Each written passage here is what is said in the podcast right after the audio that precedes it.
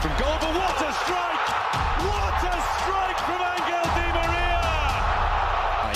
It's Ronaldo. Oh, he's done it! He has only gone and done it! Cristiano Ronaldo! Goal! This is Goal! World. Cup Vaganza.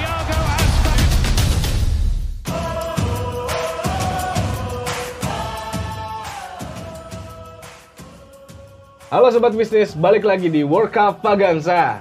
Hmm, ada yang mengejutkan di pertandingan yang kemarin ya, seperti Mas Andri. Iya betul sekali. ada beberapa kejutan, mulai dari Inggris yang ternyata bermain sangat lepas, Bisa membantai. bisa Iran, membantai Iran. Eh, Iran ya? Iran. Iran. Gue lupa malah. Terus juga ada apa? Argentina. Kekalahan melawan Arab Saudi ya. Aduh, sedih sekali. Yang diharapkan bisa membantai Arab Saudi malah kebalikan. Iya. Dan Perancis yang tampil gemilang. Iya. Lumayan lah. Lumayan. Oke, kalau Mas Adri ngelihat pertandingan kemarin nih, eh, kita ngelihat eh, ini dulu deh, Inggris Apa deh, Inggris. lawan Iran. Hmm, Inggris ya. Inggris kemarin sih kalau menurut saya lebih karena tertolong permainan Iran yang bapuk ya. Emang jelek banget asli. Jelek. Tapi kalau Inggrisnya sendiri mainnya juga ya masih polanya mirip-mirip dengan yang waktu Euro. Euro kemarin ya. Hmm. Tapi bedanya yang ini mungkin ada warnanya dari si Bukayo Saka ya. Jadi Iya. gol-golnya sih cakep-cakep banget sih kemarin terus. Dan Saka memang jadi per- eh, punya peran penting ya. Iya. Selain dua gol itu memang gaya dia nusuk kanan kirinya itu, Iya.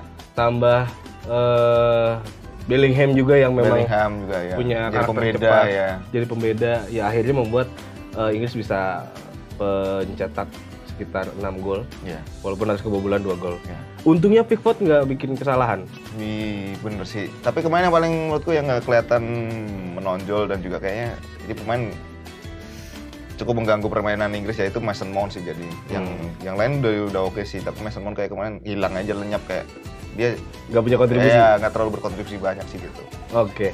Nah kalau ngelihat Arab sama Argentina, aduh gue pakai baju Argentina lagi.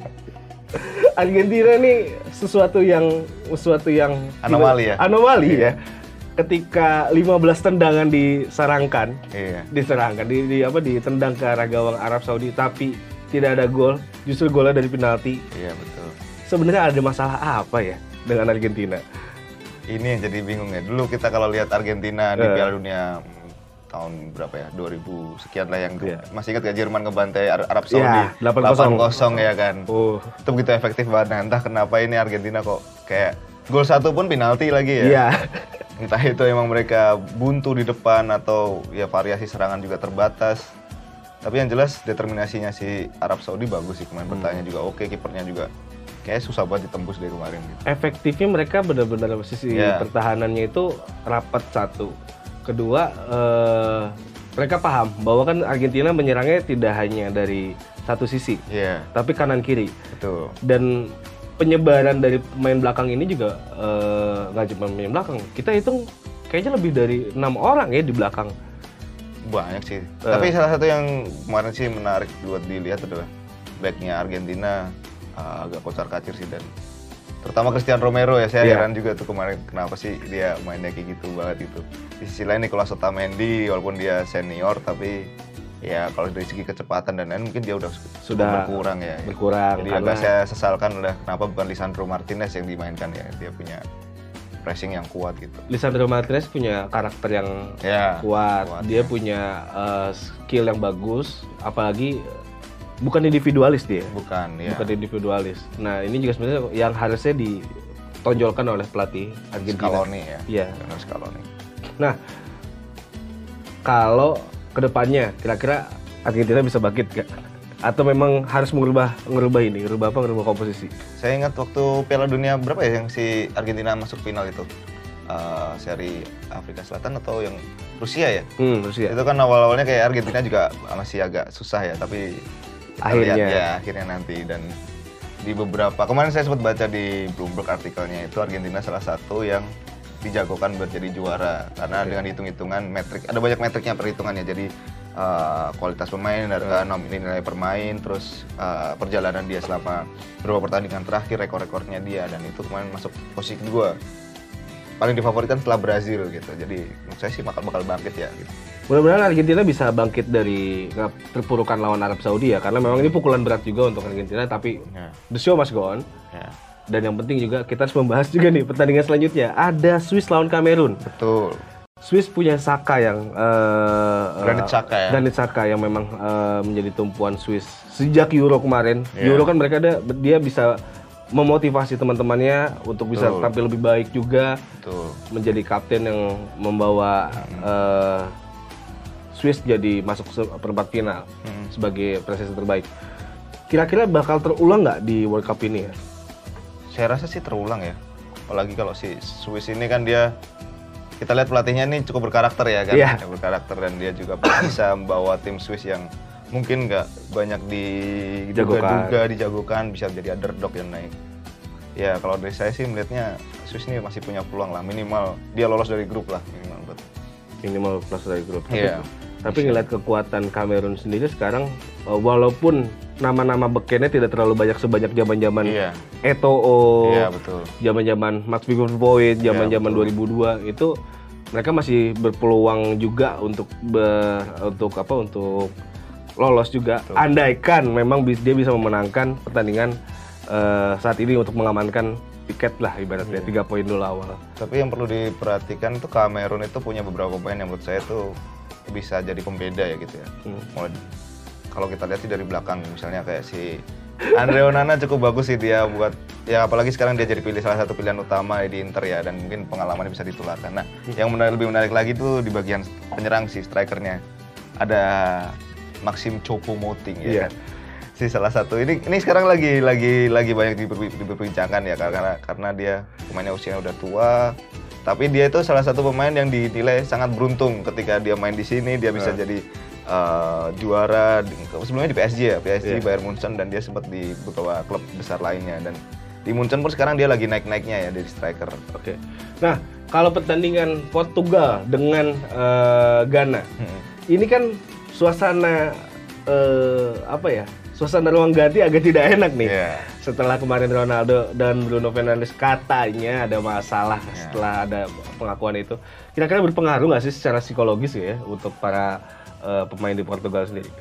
mungkin masih uh, akan ya akan cukup berpengaruh ya apalagi Ronaldo kemarin di wawancara terakhir sama Piers Morgan dia menunjukkan bahwa sebenarnya ya secara langsung kalau saya menganggap sih keangkuhannya masih terlalu gede ya, Ya. egonya masih gede juga dia masih pengen di dianggap sebagai superstar walaupun ya mungkin Postal kalau kita syndrome. iya walaupun permainannya udah mulai menurun nah yang jadi masalah adalah ketika nanti Portugal terlalu mengandalkan Ronaldo ya Hmm. kan. Jadi ada beberapa pemain yang akhirnya sebenarnya bisa jadi pembeda gitu ya misalnya kayak Joao Felix ataupun Bruno Fernandes ataupun Bernardo Silva akhirnya mereka harus meredam meredam egonya buat melayani si si Cristiano Ronaldo. Ronaldo. Nah, itu kan jadi bumerang juga gitu. Pemain-pemain mudanya kayak Leao juga Iya. masih berpotensi untuk menunjukkan bahwa dia tidak hanya bisa di level klub, Betul. tapi juga di level negara juga. ya.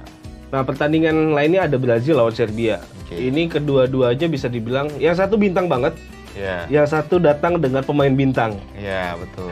dengan beberapa pemain bintang. Tapi perlu ditakutin. Kita di Serbia mempunyai eh, Vlahovic, lalu ada Tadic, iya. Luka Jovic. Luka juga. Jovic juga. Nah, dengan kehadiran mereka, Brazil sepertinya bisa mendapatkan eh, sedikit shock terapi mungkin ya Iya. untuk back-backnya.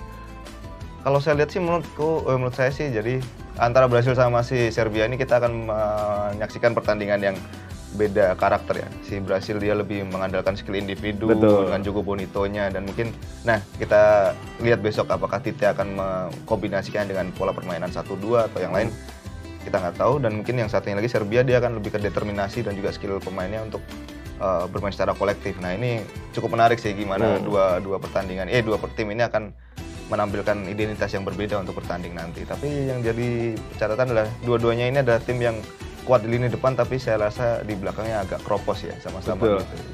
Eh, walaupun nama-namanya beken, cuma kalau ngelihat track record ke belakangnya masih Ya. banyak berapa kali blunder yang terjadi ya. Oke. Apalagi Brasil masih mengandalkan Thiago Silva yang udah umurnya sekian tahun ya kan ya. Sudah tidak muda, ya, lagi. betul. Masih ada Dani Daniel eh Dani Dan- Alves Dani ya. Alves juga Ya. masih main. Jadi memang sepertinya perputarannya tidak terlalu cepat Ya, ya, untuk generasinya kurang ya. regenerasinya kurang. ya. Nah, kalau ada lagi pertandingan terakhir yaitu Uruguay melawan Korea Selatan. Oke. Uruguay memiliki pemain-pemain yang cukup baik. Tetapi kalau menurut saya ya, saya kayak agak ragu loh Mas Andri dengan dengan kekuatan Uruguay sekarang. Walaupun datang dengan Cavani lagi, Suarez Iya, lagi betul, gitu ya. Tapi nama-nama ini nama-nama yang sudah sudah lama ada dan tidak ada perubahan. Takutnya sudah kebaca juga. Betul. Yang jadi catatan adalah Uruguay ini dia masih mengandalkan pemain-pemain tua ya. Iya. Kita sebut Cavani, Luis Suarez gitu ya. Bahkan masih ada Muslera juga Iya, di kiper Muslera ya. masih ada. Dan yang jadi soal adalah ketika di barisan penyerang ini adalah pemain-pemain ya tadi yang saya sebut Suarez dan Cavani adalah mereka rentan dengan cedera gitu. Ketika salah satu cedera mungkin nanti tumpuannya akan bergeser ke siapa yang kita nggak tahu. Tapi bisa jadi nanti akan jadi muncul racing star baru ya ada Pelistri Iya, ya kan. Pelistri Atau juga. mungkin bahkan Darwin Nunes yang di Liverpool yang masih belum bisa nyetel dengan bagus, Hmm. tiba-tiba dia bisa naik di Piala Dunia. Karena kebiasaannya gini, di klub sebelum masuk Piala Dunia, Iya. dia tidak terlalu bagus tapi mencoloknya justru di Piala Dunia. Betul. Nah, itu bisa jadi nanti. Oke. Korea Selatan sendiri gimana nih? Korea Selatan sih saya rasa akan ada beberapa rising star yang mulai bermunculan ya setelah Hmm. mungkin selama ini kita kalau ya kalau orang awam mungkin melihatnya lebih banyak menyoroti Son Heung-min ya. Iya. Sementara sekarang ada lagi eh back yang cukup tangguh ya dari Korea Selatan Kim Min Jae yang Kim dia di, Jae. di Napoli. Nah itu mungkin akan jadi salah satu pembeda nanti kan di pertandingan ini bahwa ya dengan pengalamannya bermain di Eropa dia akan mungkin bisa membaca eh, permainan dari pemain-pemain Uruguay gitu sih. Dan rata-rata memang em, mereka mengandalkan pemain-pemain yang memang asli dari Liga Korea. Oke. Berbeda dengan beberapa negara kan kayak Kamerun dan eh bukan Kamerun, kayak eh, Senegal kemarin hampir semuanya pemainnya dari Eropa. Ya. Dan rata-rata pemain Korea yang diambil bukan dari walaupun banyak pemain Korea yang bermain di liga eh, kasta keduanya, kasta kedua dari apa dari eh, Liga Eropa tetapi mereka lebih eh, pelatih memilih eh, memanggil dari eh, asli pemain Korea dari K-League-nya. Nah, kalau dari semuanya nih, kira-kira kalau Portugal Ghana versi Mas Andri berapa berapa? Eh, mungkin satu kosong kali ya Kemenangan masih ke Portugal sih ke saya Portugal. masih- Brazil? Brasil ini yang agak susah ya tapi saya masih optimis Brasil bisa mencetak gol lebih dari satu ya ya mungkin 2-1 lah 2-1. 2-1 Ya, lalu ada Korea Selatan melawan Uruguay. Korea Selatan Uruguay saya rasa masih mungkin justru ini ya kan nilainya akan jadi imbang nanti mungkin 0-0 atau satu sama gitu karena ya sama-sama eh, punya determinasi kuat dan pressingnya kuat juga mereka gitu. Terakhir, eh Swiss lawan Kamerun. Ini sama-sama kuat nih. Kamerun. Saya lebih mengagalkan eh, menjagokan Kamerun sih dengan lakinya si Chopo Moting ya. Mungkin nanti dia akan itu kan menarik ketika dia jadi pencetak gol terbanyak atau bahkan beberapa kali mencetak gol buat Kamerun ya karena Hmm, kalau dia saya punya story sendiri gitulah. menarik ya, menarik, menarik. Bisa jadi hasil pertandingan yang Swiss dan Kamerun versi saya seri sih ya. Oke. Oke. Tapi kita lihat aja hasilnya seperti apa ya. Mudah-mudahan eh, untuk yang match eh, di grup G dan H ini bisa lebih seru ketimbang eh, grup-grup lainnya dan juga bisa lebih mengejutkan dibandingkan kekalahan Argentina melawan Arab Saudi. nah itu dia tadi sobat bisnis eh, World Cup Vaganza edisi kali ini. Nanti kita akan masih membahas beberapa pertandingan selanjutnya di eh, pekan kedua lanjutan dari eh, fase grup ini. Tonton terus di bisnis.com, jangan lupa subscribe dan juga tonton web klip web klip tentang Piala Dunia yang ada di bisnis.com. Sampai jumpa.